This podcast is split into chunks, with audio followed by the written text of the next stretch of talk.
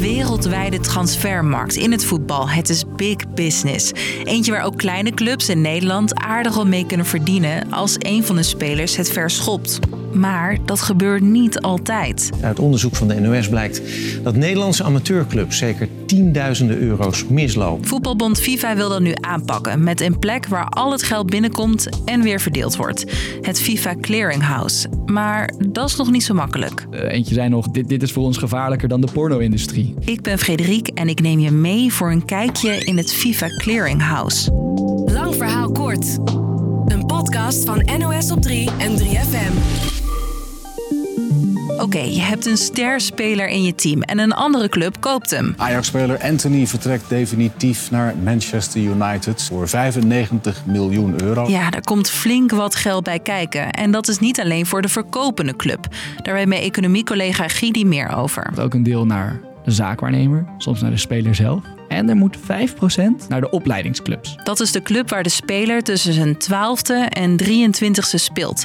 Maar Gidi, krijgen die clubs ook altijd dat opleidingsgeld? Nee, daar komt dus 80% sommigen niet terecht. Clubs moeten zelf de transfers van hun oudspelers bijhouden. Een grote club, zoals Ajax, lukt dat nog wel. Maar amateurclubs, die hebben die luxe niet. Zeker als het dan bijvoorbeeld een transfer is van een Roemeense club naar een Bulgaarse club.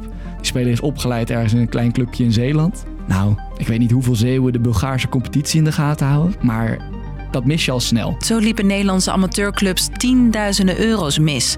Geld dat die clubs goed kunnen gebruiken. Dit is voor ons wel belangrijk. Dat geld stoppen we één op één in onze voetbalacademie. Dan gaat het naar materiaal toe, maar vooral ook naar salarissen voor goede trainers. Maar Wereldvoetbalbond FIFA heeft een oplossing. With the creation of the FIFA Clearinghouse, FIFA will improve this process by closing this gap Sinds deze winter moeten clubs hun transfergeld overmaken naar één centrale plek het FIFA Clearinghouse. FIFA checkt dan wie er allemaal recht heeft op een deel van die transfersom en verdeelt het geld. Zijn veel amateurclubs wel blij mee. Wat we nu al hebben aan dat FIFA Clearinghouse is dat er een seintje kwam van joh, er is een jongen van jullie die heeft getekend in Egypte. En daar krijgen we misschien een stukje van. En dat gaat om 2000 piek of zo. En FIFA gaat ook checken of in alle geldstromen geen zwart of crimineel geld zit.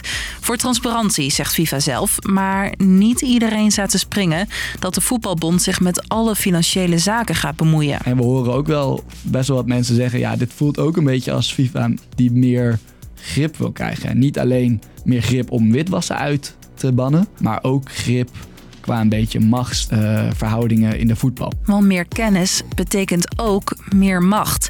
En FIFA heeft al niet de beste naam. Gesprekken over witwassen en machtsverhoudingen hebben ook meegespeeld in de locatie van de clearinghouse. Het originele plan van de FIFA is namelijk om in Nederland neer te strijken. In Amsterdam ziet de bond zelf helemaal zitten. Ze zeiden Nederland heeft een stabiel en robuust financieel systeem. Ja, ze wilden niet op de Cayman-eilanden gaan zitten of zo. Dat heeft een zekere bijsmaak. Er wordt zelfs een vacature uitgezet voor een topman die verstand heeft van de wetgeving hier en Nederlands spreekt en schrijft. Die Nederlandse topman die kwam er. Maar plot twist. Het werd niet Nederland. Nee, het werd niet Nederland. De FIFA klopt op een gegeven moment namelijk bij banken aan.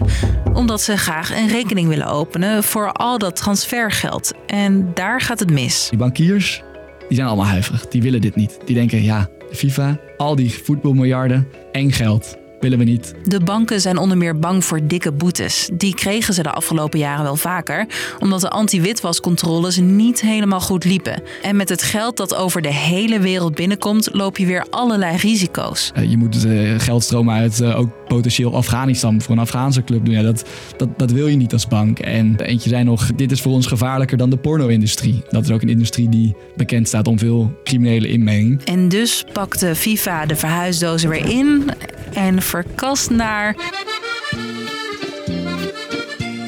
Parijs. Ondanks dat daar ongeveer dezelfde anti-witwasregels gelden als hier, durft de Franse bank het kennelijk wel aan. Maar heel erg balen is dat volgens Gidi niet. Nou, we lopen uh, banen mis. Maar ook als ik met anti-witwas-experts spreek en zo. En ook als je de geluiden uit de bankaire wereld hoort. Ik heb het gevoel dat niemand echt rouwig is. Want je loopt ook mis dat als het echt fout gaat, dat het niet aan Nederland gekoppeld wordt. Dus, lang verhaal kort. Sinds kort heeft FIFA het FIFA Clearinghouse. Daarmee willen ze ervoor zorgen dat al het transfergeld op een goede plek terechtkomt. En checken ze of er geen crimineel geld tussen zit. Dat wilden ze vanuit Nederland gaan doen, maar banken durfden het hier niet aan. Wij durven je wel te zeggen dat er morgen weer een nieuwe podcast voor je klaar staat. Tot dan!